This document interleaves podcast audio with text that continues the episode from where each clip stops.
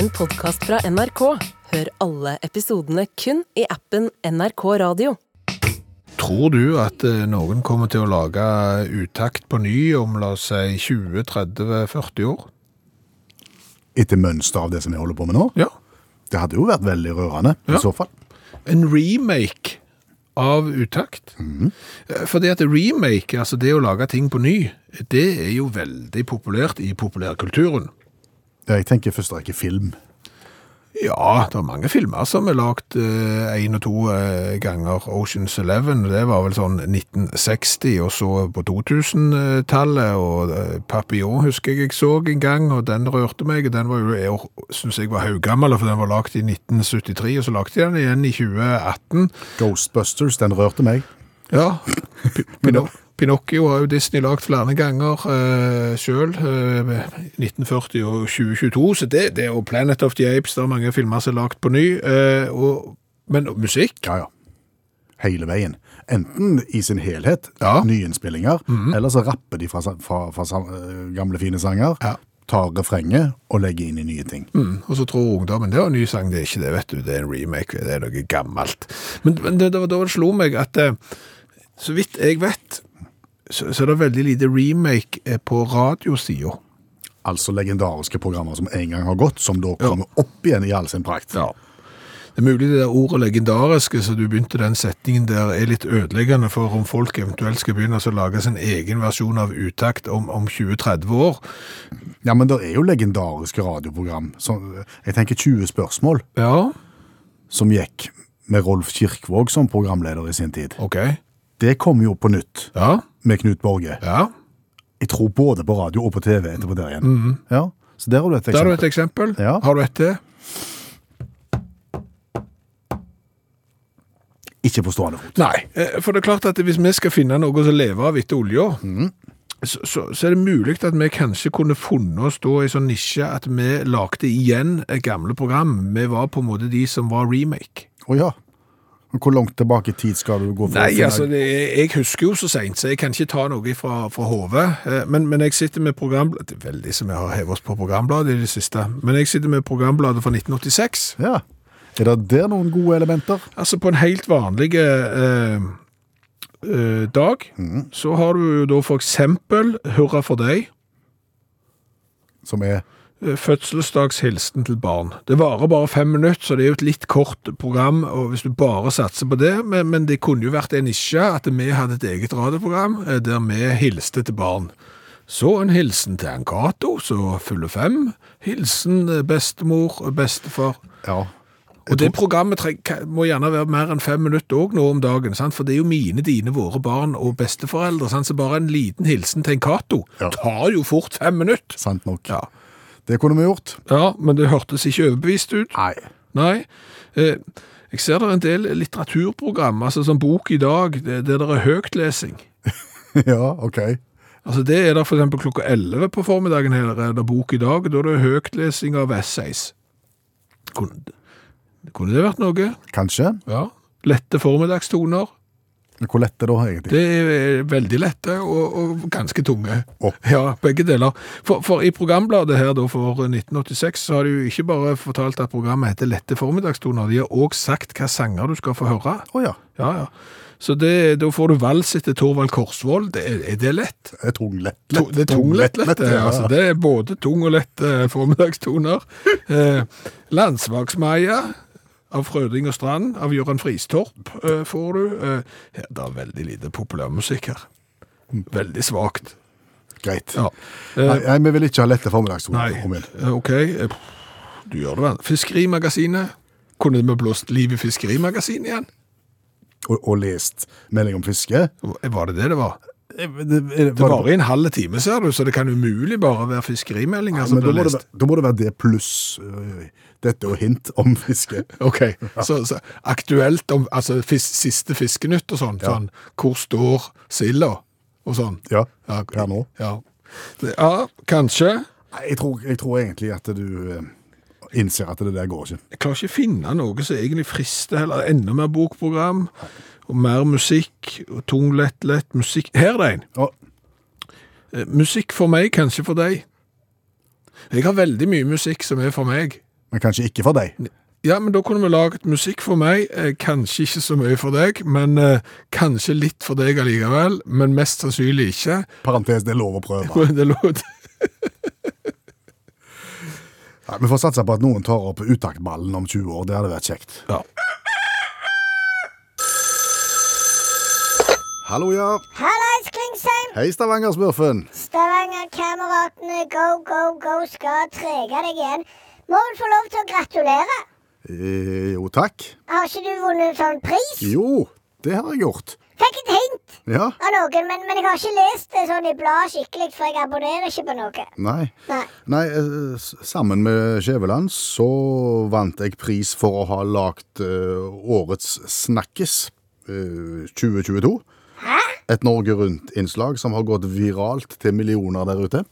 Årets snakkes? Ja, Er, er, det, er det journalistikk, det? ja på, på sett og vis er det jo det. Du får journalistpris for et Norge Rundt-innslag som har blitt en snakkes. Ja, eh, vi lagde om, om det der farsefenomenet på Jæren. Vet ikke om du kjenner til det? Kan skynde, jeg kjenner farsa, seg. Kvinnesland heter Jeg jeg. er jo vokst opp her, jeg òg. Ja. ja, jeg liker det ikke.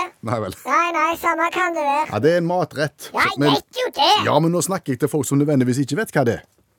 Du sa jo det hadde gått viralt.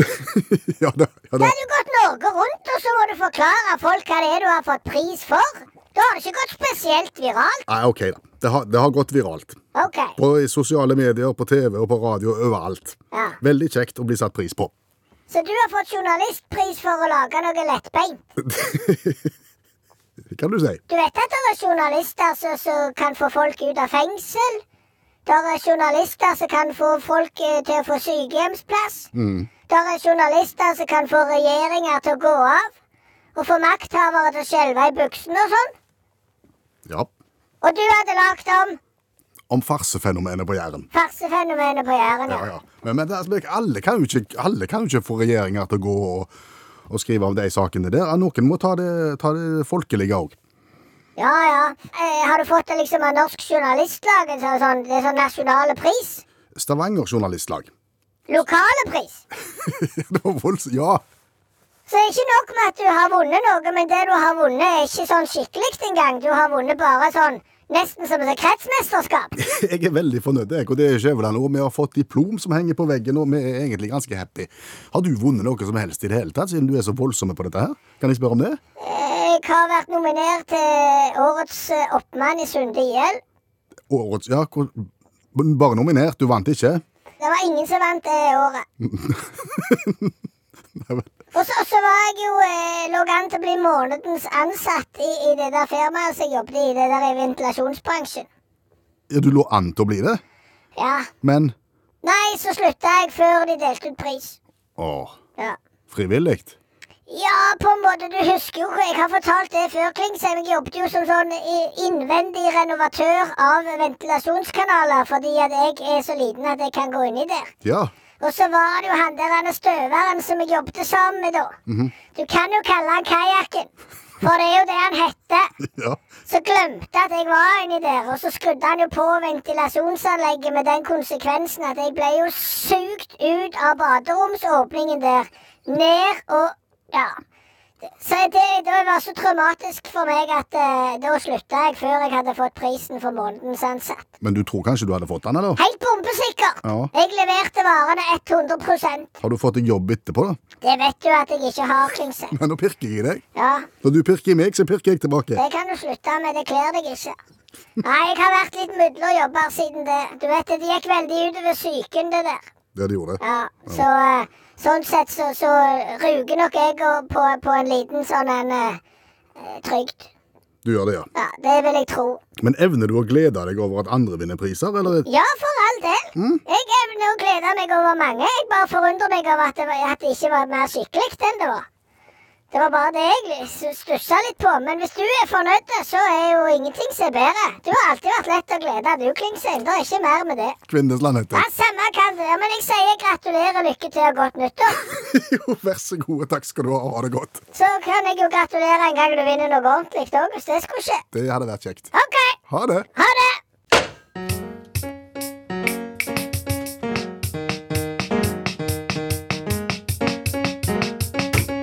Og jeg vil gjerne rekke ut ei hånd til verdenssamfunnet og, og be de om å komme med en internasjonal lov som forbyr å gi vekk gratisbilletter, med mindre de som får gratisbillettene er blodfan. Og er i stand til å sette pris på de. Ja. Jeg, jeg tror jeg skjønner hvor du skal hen nå. Ja. Jeg har vært på konsert med Mark Knopfler Ja. Og havna i sponsoravdelingen i lokalet. Jeg hørte knapt Knopfler. Nå er han litt lavmælt. Litt, ja. Ja. Ja. Men, men når du da får gratisbillettfolket med litt innabords, som er mye mer opptatt av alt annet enn Knopfler, ja. blytungt. Om det er blytungt, ja. Det burde vært eh, forbudt. Og, og, og det er jo sånn, altså, mange av de beste setene tilbys jo til de som bryr seg minst. Og, og du har sittet på fotballkamper, du har sittet på fotball-VM og sånn også, så ser du, ser du på pausen, og så begynner andre omgang. Og de flotteste plassene på stadion, de er litt oppå, midt på banen, at der er ikke folk kommet ut ennå, for de står bak med noe sånn kanapeer og noe stettglass og noe mirakels. Så de kommer gjerne dinglende ut sånn eh, kvarter ut i andre. Var det noen mål? Åh, Har, er det noen som har. Ja, ja. Det er kjekt på jobb òg. Og det er jo drit for de som er på banen òg, enten det er fotballspillere, eller håndballspillere, eller musikere, eller komikere, for den saks skyld. Ja, altså, laber entusiasme eh, risikerer du jo, men du risikerer jo òg at det, det blir tomt, at de ikke møter opp. Det, det har du òg, ja.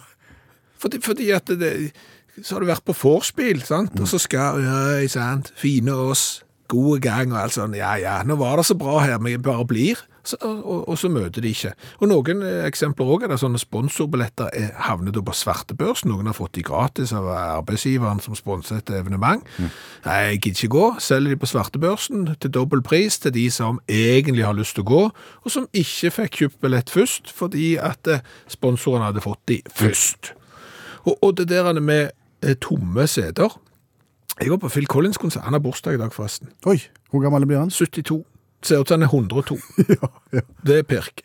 Men eh, jeg var på Phil Collins-konsert, eh, en av mange. Og da var det sånn at eh, var i Oslo Spektrum. De første radene de var forbeholdt sponsorene. Jeg tror det er en, et, et bilmerke som begynner på T og slutter på Yota, som da sponsa den eh, turneen der. To rader, helt ledige foran. Jeg satt jo omtrent oppe med Jesus i himmelen og kikket langt ned og var misunnelig. Nærmer seg konsert. Like tomt. Første sang. Like tomt. Den gjengen er på forspill og har ikke hatt giddet å gå.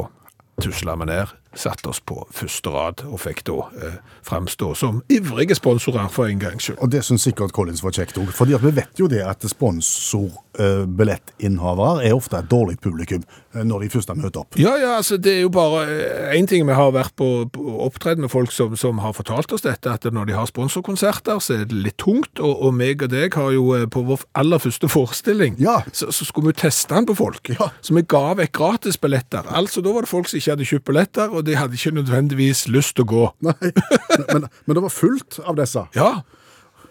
Og det som skjedde, var jo da at damen på rad to sovna Ja.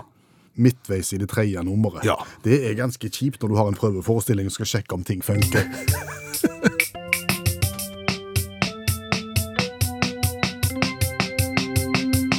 Uten at jeg helt forstår hvorfor, så, så har vi fått tilsendt et spørsmål til redaksjonen. Som lyder Hva må til for å lage et eget land? Ja, OK. Og vi vet ikke noen bakgrunn. Nei, nei, og du kan jo lure på om det er en bergenser eller noe sånt, så tenker jeg at her, eh, nå, nå gidder vi ikke mer. Eh, Eller om det er helt andre baktanker bak eh, hvorfor noen har lyst til å lage sin egen nasjon. Eh, Men vi, vi vet jo ikke hvordan du lager en egen nasjon. Nei. Men vi har jo lyst til å hjelpe til. Så da spør vi deg, allmennlærer med to vekttall i musikk, Olav Hove. Noen råd på veien hvis du vil lage deg et land? Ja, det er jo masse råd, da, men det er litt kjedelig. Det er litt, du må ha det er lurt å ha et land og sånne ting. Og grunnlov og befolkning og slike ting. Men det, det, det som er lurest hvis du, går og ha et, eh, hvis du går svanger med et land, det er å lære av de som har prøvd og feila. Stort sett feila, da. Det er jo det, de gjør. Ofte så blir jo sånne land kalt for mikronasjoner. sant? Eh, Men du har de som tenker motsatt av mikronasjoner. da. Og det er, det er første råd. Ikke tenk for stort, iallfall. Okay. Det er litt lurt å tenke på. Da skal vi til James T. Magnan, mannen fra Chicago. En eksentrisk sådan. Eh, Dette her er på 40-tallet. Eh, forfatter av 21 bøker og én sang. Eh, verdensmester i snurrebass i 1946. Og da er det ikke snurrebass i overført betydning, det er, sånn, det er snurrebass. Hvordan blir du verdensmester der? Er det om å gjøre å få den til å svive lengst? Og det er flere greiner. Det er akkurat som skiskyting omtrent. Det er, både, det er ikke jaktstart og sånn, men det er han, Men da står han og ligger snurrepass. ja, han, var, han var en sånn lang snurrebassing. OK. Ja, at han snurra lenger. da. ok. Ja, nei, nok om det. Eh, kal- kalte seg sjøl eh, topp tre av amerikanske gres grasklippere i sin tid. Jeg vet ikke det, hvordan det blir det, men det var iallfall det. Eh, og var salgssjef for så kroneautomater. En firma som solgte kroner, jeg kalte ikke det kroneautomater, selvfølgelig. Centautomater. Han satt i alle fall på, eh, på eh, pauserommet her en, eh, i 1948, og så var det snakk om verdensrommet. Og så kom han til å tenke på det er jo ingen som eier verdensrommet. Så da gjorde han krav på verdensrommet. På hele? Hele greien, ja. Ja. ja. ja, Jeg lagde kart og greier òg. I målestokk 1 til 250 millioner lysår. Det er målestokken sin. Eh, kalte det for Nation of Celestial Space, det vil si himmellandet, egentlig. Ja, sendte brev til, um, til FN. Og der han krevde det, 80-89 utenriksminister, der han sa bare så du vet, altså, jeg, fint om de anerkjenner at jeg eier han, han tenkte det var greit. Før eller siden kommer noe til å kreve verdensrom, og da tenkte jeg det var greit at voksne folk tok kontroll på det. At en, at en verdensmester i snurrebass hadde oversikten til det. Ble ikke, fikk lite respons da. I staten Illinois de kjente til han, så de godkjente jo det her da. De sa at det er greit, du eier verdensrommet, så slutt å mase. Utvikla pass, søknadsskjema for statsborgerskap. Hadde i en periode 70 000 statsborgere i, i verdensromlandet. Så han hadde 70 000 eh, innbyggere i et land som ingen hadde vært i, i 1948. Ja. Eh, og etter inspirasjon fra Luxembourg så begynte han å trykke opp frimerker og solgte dem, for han skulle liksom finansiere verdensromprosjektet sitt med å selge frimerker. Og han la en del forbud. Det var selvfølgelig Når de begynte med sånn romkappløpet, så ble han jo eitrende forbanna og sendte sinte brev til både Sovjetunionen og USA, uten at de brydde seg mye om det. da. Ja, For han eide grunnen, ja. Ja, Ja. ja. Og, og la han i forbud mot prøvesprenging og sånne ting i verdensrommet, uten at noen brydde seg om det heller. Solgte òg verdensromrom for å finansiere dette her. Det vil si at du kunne da, du kunne da få kjøpe en del av verdensrommet. Eh, Du fikk da, du fikk da, du fikk da eh, et, et område på størrelse med jorda for én dollar. Ganske billig, da, men det er jo stort og, og uendelig. Og han lagde jo valuta, himmelsk, himmelsvaluta, som han hadde dattera si Ruth på. Og det er jo Ruth da som arver dette her imperiet når han dør i 1970. da. Eh, Og hun var da allerede prinsessa av, eh, av verdensrommet. Eh, men arva da hele skiten når han dør, sammen med mannen sin med det litt urovekkende navnet Donald Strump. Han, han var jo inngift, så han ble ikke noe sånt, fikk ikke noe tittel. Men ungene barnebarna, Glenn Strump han ble hertugen av verdensrommet. Dean Strump ble hertugen av Mars. Og minstemann Todd ble hertugen av Melkeveien, da. Ja. De, ikke, de hadde ikke ungene òg ull, Strump og tennis, Strump. Har fortsatt hovedkontor i eh, Evergreen Park i Illinois. Finansiert av frimerkesalg. Okay. De tenkte litt for stort. Skjønner det. Ja. Burde holdt seg til snurrebassen. Både, både det. Takk skal du ha, allmennlærer med to vekttall i musikk, Olav Hove. I dag har jeg vært på museum. Før jobb? Ja, ja. Ja litt i arbeidstid òg. Yes. Ja. Vi har vært på eh, Presidentenes kjæledyrmuseum Mm, jaha. Som ligger i eh, på nettet. Det ligger på nettet, ja. Ja, Det er de amerikanske presidentenes kjæledyrmuseum, og det er da en nettside. Oh. .com. er det mye spennende å finne der? Veldig. Oh, ja. Eh, ja, eh, og som du sikkert forstår, så handler det jo om hvilke kjæledyr har eh, til hver tid den sittende presidenten, og hva hadde de før. Ja. Eh, Biden, han har to hunder. Eh, Trump hadde ingenting. Ingenting, nei. Nei. Hadde mye annet, Ja, mye annet, ja. men ikke kjæledyr. Nei, han hadde et som lignet på hodet, men, men det var ikke levende. Nå er det noen som blir sure. Ja, ikke så- Eh, eh, Obama hadde to hunder. George W. Bush hadde tre hunder og en katt. Eh, Ronald Reagan hadde seks hunder og en hest på en ranch. Oi. Eh, men det er ikke galt. Nei. I forhold til når vi begynner å nærme oss de som virkelig var glad i dyr, sånn som eh, Kennedy, han hadde ti hunder, kanarifugl, parakitt, sikkert type nymfe, eh, katt, ponni, hest, kanin og hamster. Eh, president Calvin Coolidge ikke så veldig sterke på eh, når du kommer litt eh, lenger bak i tidsrekka. Han var da fra 1923 til 1929. Eh, en bråde hunder og katter og alt det der. Litt kanarifugler. En gås. Så begynner det å bli interessant. Vaskebjørn Ja vel. og gaupa. Han hadde gaupa òg, ja. Ja, litt usikker på hvor du har gaupa i Det hvite hus, men han hadde det. Så tenker du, han hadde mye, jeg hadde ikke det. I forhold til Eh, Theodor Roosevelt, som eh, var president fra 1901 til 1909. Han kunne lagt dyrehage, han. Hva hadde han for noe? Hadde jo eh, alt det som de andre hadde. Sånn hester og ponnier og alt det der, og hunder og katter. I tillegg papegøye, eh, slange, opp til flere slanger, ja. Rottekenguruer. Jeg tror det heter det på norsk. Jeg har sett det i bilder av de. Hvordan ser det ut? Det er rotter som, som ser ut som litt kenguru, så de er veldig små. Oh, ja. Litt pung òg, tror jeg. Eh, Grevling, flygeekorn, hold deg fast, løve, Oi. hyene, Coyote. fem bjørner, sebra, ugle, øgle, Både ugle og øgle? ja, eh, hane, høne, gris og vaskebjørn. Ja, eh, og, så går vi, og det var jo spesielt. Ja. Men nå begynner vi virkelig det nærmeste som er virkelig spesielt. Eh, Martin van Buren han hadde et par tigrer, for de hadde han fått i gave av sultan eh, av Oman. Ja vel. De havna da selvfølgelig i zoologisk hage etter hvert, mens president John Quincy Adams, da er vi på 1825 til 1829, han hadde krokodille. Hvor hadde han fått det fra? Det, er- det, det, ja, han hadde ikke vært liksom fører de krokodillene. Han hadde ikke vært og kjøpt han selv. Han fikk han av en sånn en krigshelt, en fransk krigshelt, som sikkert hadde vært på signingsvært rundt i USA etter krigen, og han hadde fått krokodille, så hadde gitt han videre til presidenten. Så følte han, ikke, så følte han sikkert ikke kunne gi han vekk. Nei. Men fordelen var at Hvite hus var ikke ferdig. Hvorfor sa jeg Hvite hus? Eh, så, så dermed så, så kunne han ha han i Østfløyen. Å, ja. For der sto det et, eh, visstnok et badekar som denne krokodillen eh, kunne eh, disponere.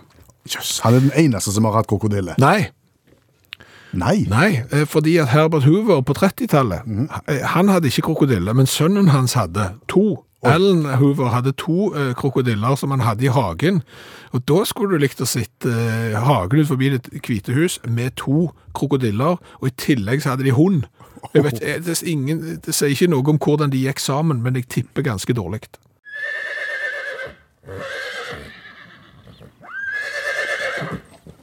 Du, eh, i min eh, søken etter informasjon om hvor vanlig det er å ha krokodiller hjemme, i og med at det jo har vært tre krokodiller, skråstrek alligatorer, eh, i Det hvite hus i USA, så kom jeg over en sak eh, som ble skrevet av NRK i 2010.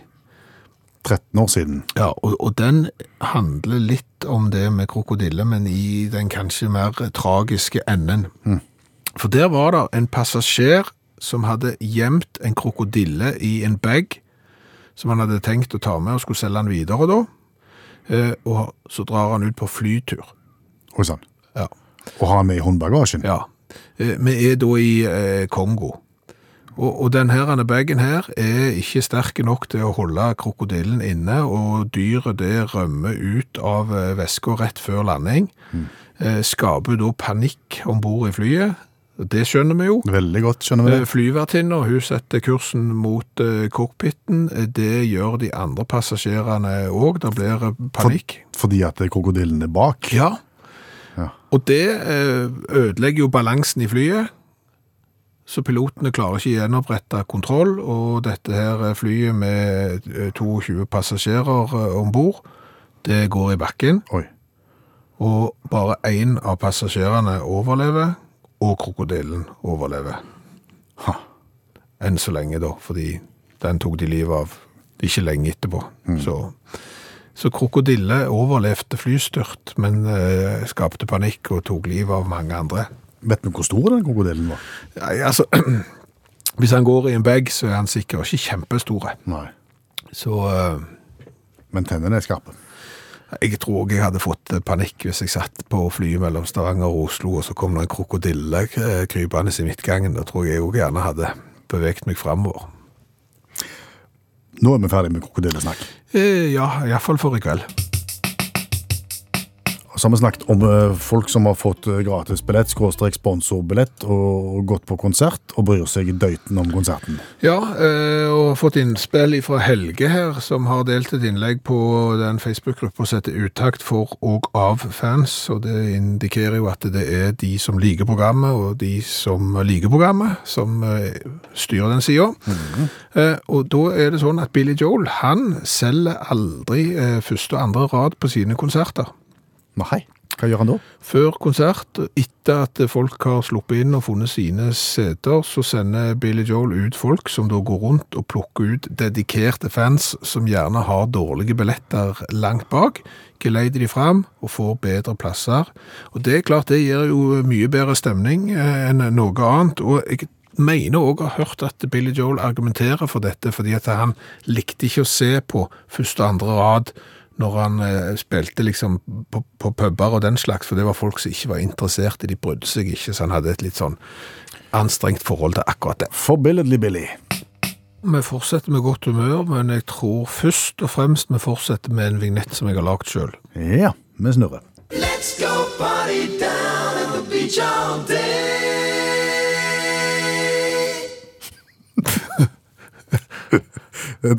Den forteller lite. Ja, men det er det som er poenget, at den vignetten der kan brukes til alt, fordi at den handler om eh, veldig lite. Så den, i dag, så handler denne vignetten om eh, et spørsmål du tror du vet svaret på, som du nødvendigvis ikke vet svaret på. Å, ok. Som du skal få svaret på i løpet av denne spalten. Ja, du skal i hvert fall få en indikasjon i hvilken retning du skal se.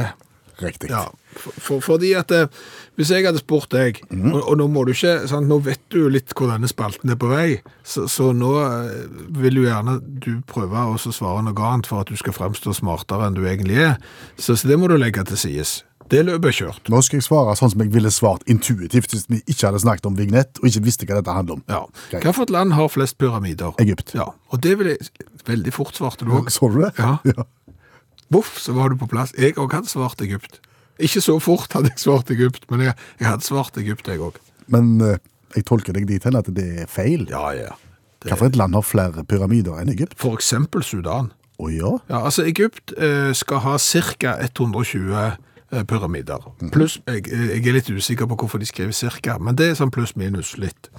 120, og det er jo mye. Ja. Det er mye mer enn eksempel i Norge. Absolutt. Men de har veldig få stavkirker da i Egypt, så vi tar igjen på det området der. Men i Sudan, mellom 200 og 250. Ja, ja, nesten dobbelt så mye. Ja, og, og de ble brukt, bygd over et, et langt eh, tidsrom i Sudan òg, fra ca. 1000 år eh, før vår tid til 350 etter vår tid. Så da bygde de pyramider der, litt av samme grunn som eh, egypterne, at der skulle de eh, voksne, de kongene, de som bestemte, de skulle gravlegges der for å få en lettere eh, vei til evigheten. Men, men det er ikke sikkert at det er vinnerlandet her. Er det flere enn Sudans 250? Ja, jeg, jeg synes det er litt rart at de er sånn omtrentlige, disse tallene. Det bør være mulig å telle. Det burde det, men Guatemala er en De er snarere på pyramider. Der skal det fort være 300-400 stykk. Oi. Hvis du tar med Mexico, Belize, Honduras og El Salvador, så har du ca. 1000 eh, pyramider i det området der. Ha. Sør-Amerika er pyramidehovedstaden. Ja, du tror kanskje det er Peru, liksom, men så er det jo ikke det heller. Men eh, Guatemala er sterke på eh, pyramider. Eh, det skal også være 200 pyramider i litt forskjellige former og størrelser i Kina. Om alle disse her greiene dine i denne, innenfor denne spalten handler om pyramider, for Ja. nå kjenner vi noe med litt lei pyramider. Hva da for? Det var nok. Jeg kunne fortalt mye om pyramider, hvor det var mange.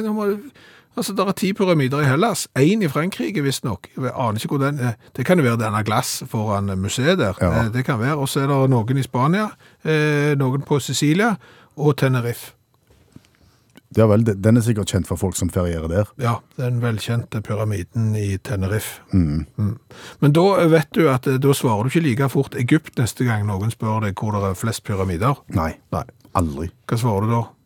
Guatemala. Ja, med kanskje Sudan. Ja.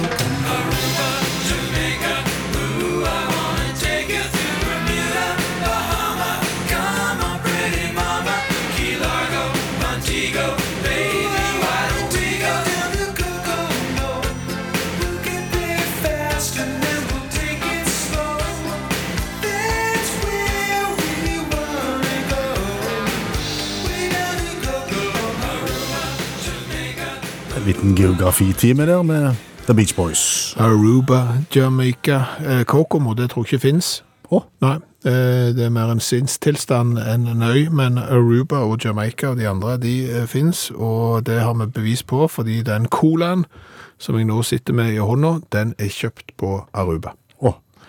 Og den colaen, den ser ikke ut som andre cola vi har vært borti før. Nei, vi har fått den av Alexandra. Eh, Det er, må vel være lov å si at det er en støttjukk eh, liten brus. Japp. Den er, den er bare en tredjedel av høyden av en, eh, en halvliter, Ja. men like brei. Og, og vel så det. Ja. Eh, og eh, grunnen til at vi kaller den stuttjukk er jo fordi at den heter Chubby Cola, og Chubby det er jo litt fyldig. Eh, og det er ikke bare Chubby Cola, det er Chubby Rock'n'Rolla Cola. Og intet mindre. Ja, ja, det er flotte greier. Uh, og på denne stuttjukke colaen så er det da bilde av en eh, liten kanalje som driver og flyr hangglider, og ser veldig blid og fornøyd ut, uh, under bokstavene Chubby. Hvor mye er det oppi Chubby-colaen? 250 milliliter. Og dette er da en cola kjøpt på Aruba, men lagt på Trinidad og Tobago. Og den er lagt av en fabrikk som har vært borti før, eh, SM Jalel. Eh, de har da også lagt klassisk eh, cola, classic cola, som er testet en gang for lenge siden. Den fikk 15 poeng. eh, og da kunne vi jo fortelle at de startet i 1924, og så begynte de med cola i 1968, og så lanserte de det som er flaggskipet deres, Chubby, som er da en rekke med brus mynta på unger i alderen 4 til 9 år, skriver de selv, og har den her patenterte flaska. Den begynte de med i 1993, og nå har de begynt å eksportere den òg til andre land, annet til USA. Spørsmålet er, smaker den godt? Det kan vi ikke si noe om før vi har åpnet. den. Det var litt kullsyre, kan jeg høre, men ikke all verdens. Ja, skal vi se. Jo da, det Det er litt. Den ser teit ut, på en måte, den, den lille s- snuttet. Jeg vet ikke hvordan eh, norske myndigheter hadde eh, likt det hvis de hadde sagt denne colaen her, eh, den har målgruppe 4 til 9. Nei, Det er ikke sikkert de hadde syntes det var så kult. Men det, den lukter veldig cola.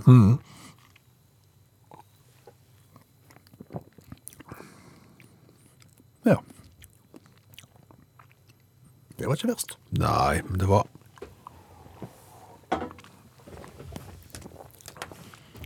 Nei, det var ikke Nei, det var helt, helt.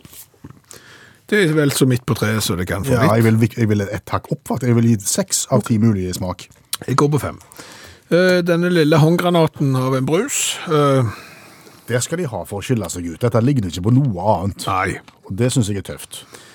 Så jo, eh, kan vi jo diskutere hvor kult det er å eh, skreddersy et produkt eh, som inneholder store do, doser med sukker. Da skal ikke vi ta hensyn til sånne ting nei. i denne spalten her. Nå er det rent visuelt. Der er det en sekser igjen for meg. Minst. Ja, men rock'n'rolla cola, det, og en kanalje med hangglider. Seks poeng. Fire. Oi, sann. 10, 11, 21.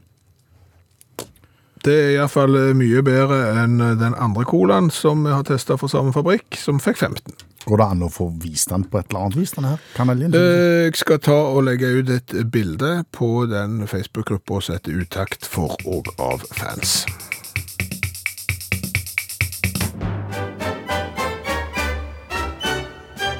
Wir spielen gezwungenes deutsches Karaoke. Var det nødvendig å fortsette med dette?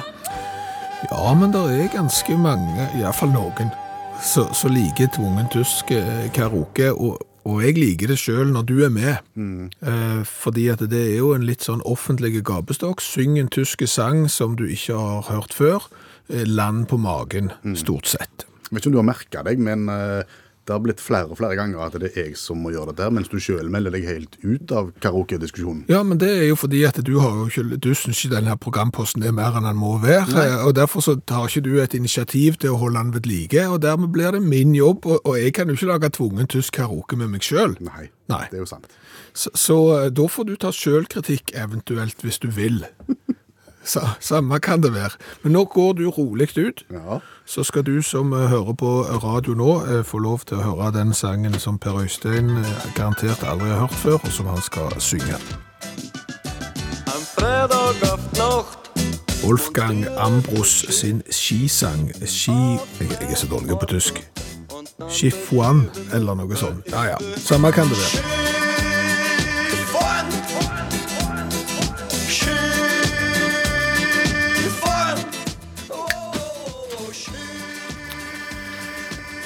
Velkommen tilbake. Ja, Jeg kom på det, Har du forklart konseptet nå? Altså For folk som ikke har hørt Tungen karaoke før, hvordan dette her virker? Ja, altså nå skal du jo rett og slett bare synge en tysk sang som jeg garanterer at du ikke har hørt før. Og, og grunnen til at jeg hadde litt lyst til å gå løs på dette her i dag, er jo fordi at jeg har fått tag i en karaokeversjon av eh, Wolfgang Ambros. Eh, mannen som eh, er kjent for å være grunnleggeren bak Austropoppen. Ja, Jeg er ikke sterk på austropopen, det er jeg ikke. Nei, eh, eh, han er jo da en av Østerrikes mest betydningsfulle samtidsmusikere og grunnleggere, som sagt, av sjangeren austropop. Ja. Eh, han synger på wienerdialekt og er bosatt i Tirol. Jadlalau, hei! Ja, og, og det kan skje vinter og snø. Du må gjerne få, få i den der, for jeg tror sangen heter skikjøring, hvis du oversetter det til norsk. Oh, ja, okay. Eh, Skifuan. Jeg er litt usikker på hvordan du uttaler det, men det... Shi- Shifuan. Ja du ser der nede der, sant? det er Stuba i tal og Selamse. Altså det er opp på fjellet og ned igjen, så det er bare å... eh, OK, vi skal til fjells. Vi skal til fjells, vær så god. Ja, takk.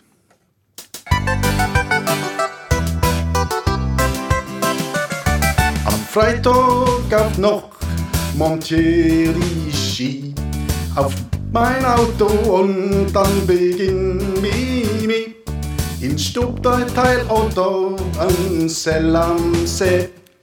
Weil durch die Berge umhamt ihm immer Laus und Schnee. Weil ich wusste, Skifahren, Skifahren, wow, wow, wow, Skifahren. Weil äh, Skifahren ist ein lauter Wunsch, der wusste, was ich vorstellen kann. Wow, wow, wow, wow.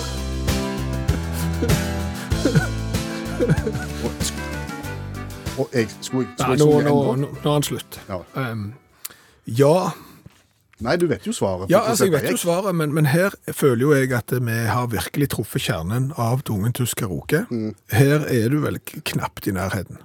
Nei, V- Vil du høre eh, fasiten? Ja, det må vi egentlig det? Ja, vi må det. Oh, ja, okay, ja. Montierte Ski og mein Auto und greit så Skal på ski og skal i bilen.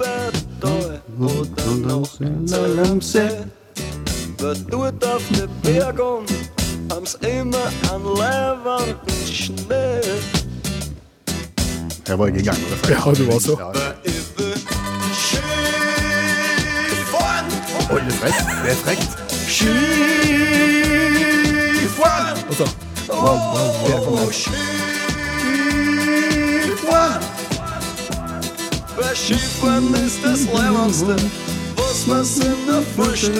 kann. du, hører at eh, Hva var, hva var det sjangeren hans hette? eh, Austropop. Ja, nå, nå har jeg et helt annet forhold til austropopen. Ja, du, du får lyst til å få eh, Altså, du vil gjerne gi Austropoppen et ansikt nå.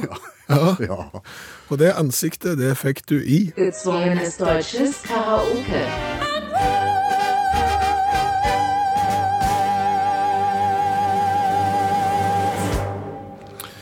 I første time av Utakt så fikk vi det jeg vil si er et litt ufullstendig råd, eh, egentlig om hvordan du skal lage din egen nasjon. Eh, fordi at vi fikk jo da høre om James, som på 40-tallet eh, annekterte verdensrommet. Ja.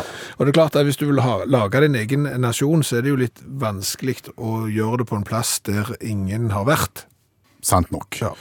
Så derfor spør vi igjen allmennlærer med to vekttall i musikk, Olav Hove. Går det an å tenke annerledes? Går det an å tenke smått i stedet for verdensrom hvis du vil lage deg et land? Ja, absolutt. Du kan tenke motsatt. Du kan tenke ikke tenk for smått. Ikke, ikke for smått, nei. Nei, Du kan tenke smått, men ikke for smått. Ja, ja. Mange tror at republikken Kygelmygel er det minste, altså mikronasjonene, det som er et eh, ballforma hus utenfor Wien. Oppsett av Edvin Lippburger, for han krangla om byggeløyve med kommunen. Det tror de er det minste, men det er det faktisk ikke. altså. Hva heter det, sa du? Kygelmygel. Republikken Kygelmygel. Et ballforma hus. Sjekk det opp, det er fint, da. Men det er ikke verdens minste mikronasjon. For da skal vi til Robert Ben Madison fra Milwaukee. Ja, han eh, han krangla såpass mye med far sin og søsknene at han den 26. desember i 1979 erklærte rommet sitt som egen nasjon. Andre etasje i et rekkehus i Milwaukee. Kalte det for Talossa, for han hadde lest seg opp på at det betyr inni huset på finsk.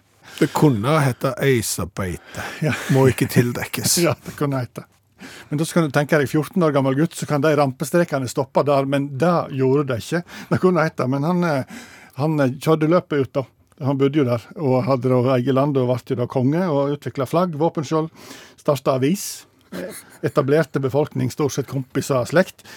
lagd et eget språk med 28 000 ord. Har nå vokst til 35 000 ord.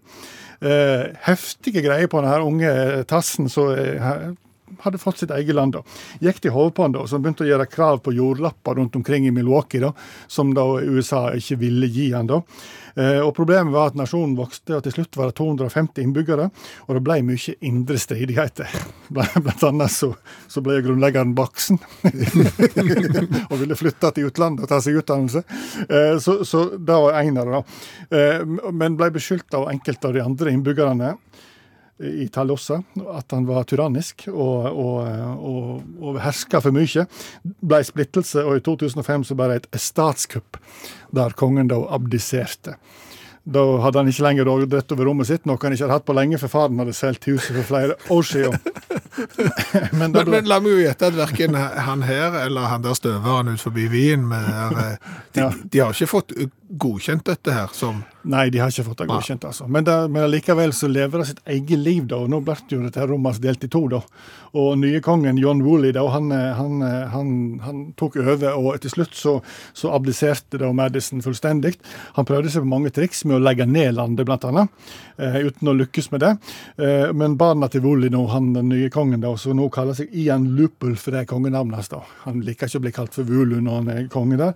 Eh, de da ungene da arvinger til dette her rommet i Milwaukee. da. Eh, ikke blitt anerkjent pga. noe diffust eh, område, men de hadde gjort krav på 13 kvadratkilometer til sammen. Hadde i fjor, i 2022, et bruttonasjonalprodukt på 8421 kroner. Men de sliter med å bli anerkjent. Ja. Så, Kan vi si at innbyggerne i det landet der er romfolk? ja, det er rom for å si. Det er det rom for deg. Takk skal du ha, allmennlærer med to vekttall i musikk, Olav Hove. Vi traff på Timian. Ja, vi traff på Timian, eh, og så tenkte vi det var jo tøft eh, fornavn, det. Eh, det- Men det er jo krydder. Ja. Men, Er, er det mange som heter krydder? Ja, så fant vi ut at det var 216 som heter Timian. Ja, så det var tydeligvis ikke så sjelden å oppkalle noen etter det krydderet. Eh, mer oppsiktsvekkende at 58 menn eh, har anis som fornavn. For det Altså, folk skal jo være greie med hverandre, men du er, en bokstav ifra. Litt slemt. Ja, det er så, det. så det, det kan dukke opp ting der. Mm. så begynte vi å leke litt med navn. Eh, er det noen som heter Rosemarin, for eksempel? Mhm. For det er ingen som heter Rosmarin. Nei. Men, men det er eh, 123 stykker som har marin som etternavn, og da burde det jo potensielt være noen av de som heter Rose til fornavn, så kunne det være Rose Marin, og, og noen har også marin som mellomnavn, og da kan du i hvert fall ha Rose Marin Salt, for eksempel. Det er stilig. Fordi at det er 30 som har salt som etternavn, fem har pibber som etternavn. altså- Pibber? Nei, hvorfor jeg sier det på min dialekt. Pepper. Ja. Eh, og åtte heter sugar til etternavn. Det er ingen som heter sukker til etternavn, men eh, sugar er det noen. Så du kunne jo fått ganske bra konstellasjoner her, eksempel hvis familien Salt gifta seg med familien Pepper, og, og beholdt begge etternavnene til, til ungene. Det hadde vært søtt. Det hadde vært...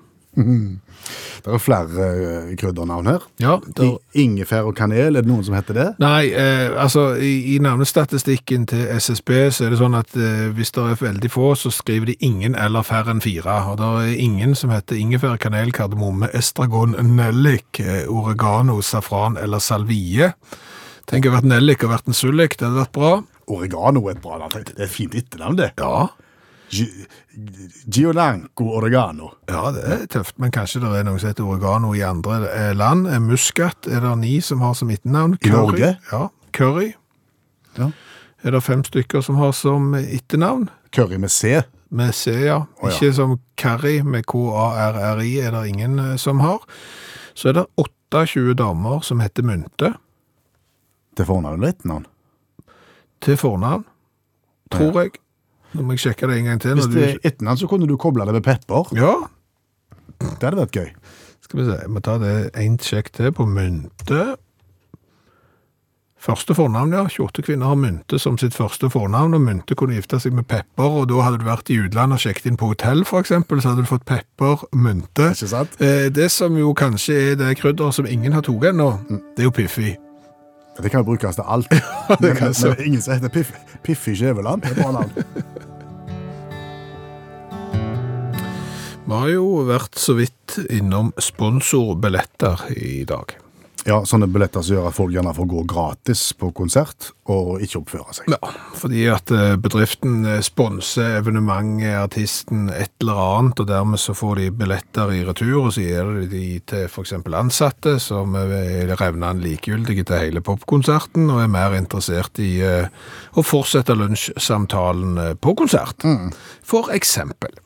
En annen ting som er litt eh, merkelig, eh, hvis vi snakker om sponsorer og sponsornavn, det er jo det faktumet at hvis du kjøper et klesplagg med eh, sponsormerker på, Sponsormerke, ja, fins det? ja, så er jo det mye billigere enn eksempel det samme plagget uten. Se for deg en fotballdrakt med sponsormerke midt på, med logoen til en bedrift midt på, Ja. den samme drakten uten, mye billigere uten. ja, Da tenker du fordi at du kjøper i en sånn offisiell sponsor, en sånn draktbutikk? Ja, eller? ja. Ja. Altså, hvis du kjøper eh, eksempel en fotballdrakt eller et eller annet sånn idrettsprodukt i det hele tatt, så får du med gjerne den offisielle drakten, og da skal jo alle disse sponsorene være på. Du skal reklamere for eh, asiatiske bettingselskaper og forsikringsselskap du aldri har hørt om, og så. Og der springer du rundt som en levende reklameplakat og har betalt 1000 kroner eller vel så det for den drakten der. Hadde du kjøpt den samme røde T-skjorta med merke bare med Ingenting på? ingenting på, det koster nesten ingenting i forhold. Det er spesielt. Det er ganske spesielt. Og det samme med, med på en måte merke klær. Altså hvis du kjøper et klesplagg nest, uten merker på, det er ofte veldig mye billigere enn klesplagg med merker på. Iallfall hvis at de merkene er ganske hotte. Det har noe med det å gjøre òg. Du kan ha et stort merke som ingen har hørt om. Da tror ikke du betaler så mye for det. Altså når jeg fikk Lucas-buksa i stedet for Levis, Ja, så sto det Lucas med svære bokstaver, men den var rasende billig for det. ok. Det vet du. var mest like god som Levis. Oh, ja. Ja, like god på kvalitet det. Ja, men det er jo litt mer snodig at vi betaler penger for å gå rundt som levende reklameplakater av og til. Det er jo... Eh, Et paradoks, Skjæveland. Hva har vi lært i kveld? vi har jo lært mye. Ja, Vi har blant annet lært at hvis du har lyst å anlegge din egen nasjon, eh, det er klart, en plass å ha det er jo en lur idé, men, men du må ikke tenke for stort, og du må heller ikke tenke for lite. Nei, for vi hørte jo om han som ville ha verdensrommet. Ja, Det gikk ikke. Det gikk ikke så godt. Eh, Så hørte vi jo om han som ville ha eh, soveværelset sitt. Gutterommet? Ja, som egen nasjon. Han hadde jo det en god stund. Hadde et par hundre innbyggere og egen, eget språk og all slags. Eh, Det er jo ganske bra sånn ungdomsopprør å bruke såpass mye tid på det, men så ble det nesten statskupp. Mm. Så, så ikke for lite og ikke for stort. Det er moralen. Ja. Eh, Så har vi lært det at eh, på Trinidad og Tobago så har de sikkert ikke de samme reglene i forhold til reklame mynter på barn som vi har i Norge. Nei, for der lager de Chubby Cola. Der lager de et eh, eget merke ja, som er mynta på barn mellom fire og ni år, og det er da sukkerholdig læskedrikk. Synes jeg skulle sett den reklamen. Gi barnet ditt eh, lubben eh, cola, inneholder ganske mye sukker. Før alkoholen tar de. Ja. Og så har vi jo lært det at det er en del spørsmål som vi tror vi vet svaret på, så vet vi ikke svaret på det likevel. Eksempel hvor i verden det finnes flest eh, pyramider. Ja. Da var jeg veldig rask med å svare Egypt. Ja. Svaret er feil. Ja. Sudan har eh, flere, sannsynligvis har Guatemala eh, mange flere, og det er ikke så mange i Egypt, ca. 120. Litt usikker på hvorfor det er cirka nummer der. Så har mulert at det har vært tre alligatorer, skråstrek krokodiller, i Det hvite hus. Eh, President John Quincy Adams hadde én, og sønnen til en president på 30-tallet, han hadde to. Det som er mer oppsiktsvekkende er jo at president Theodore Roosevelt i en periode på åtte år fra 1909 til 1909 hadde hunder og katter, og alt det der hadde han jo selvfølgelig. Hadde i tillegg papegøye, slange, rottekenguruer, grevling, flygeekorn, løve, hyene, kojote, fem bjørner, en sebra, øgla, eh, hane, høne, gris og vaskebjørn. Ja, Han så kanskje for seg en sirkuskarriere når han er president i var over. Ja, vi skal komme på det òg. Så hadde de sikkert navn. Det er jo det verste av alt, at du går rundt og så husker på dette her. Det er godt de siste presidentene nå ikke har så mange dyr, for de har virker så de ikke husker spesielt mye. Så da er det greit at eh, Joe Biden han har bare to hunder. Champ og Major. De har det han. Eh, Så har vi jo lært det at eh, alle programmene av utakt, og dette er jo ukentlig lærdom, eh, forefinnes. Er det et ord, det?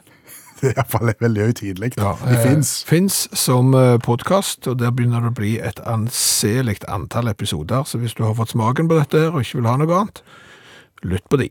Gå inn i appen NRK Radio, der finner du alle sammen.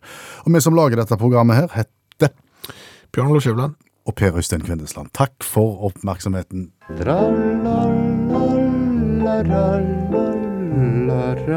Jaha, det var ikke mer. Sett nå kaffekjelen over og slapp av, og kos deg litt. Takk for nå. Du har hørt en podkast fra NRK. Hør alle episodene kun i appen NRK Radio.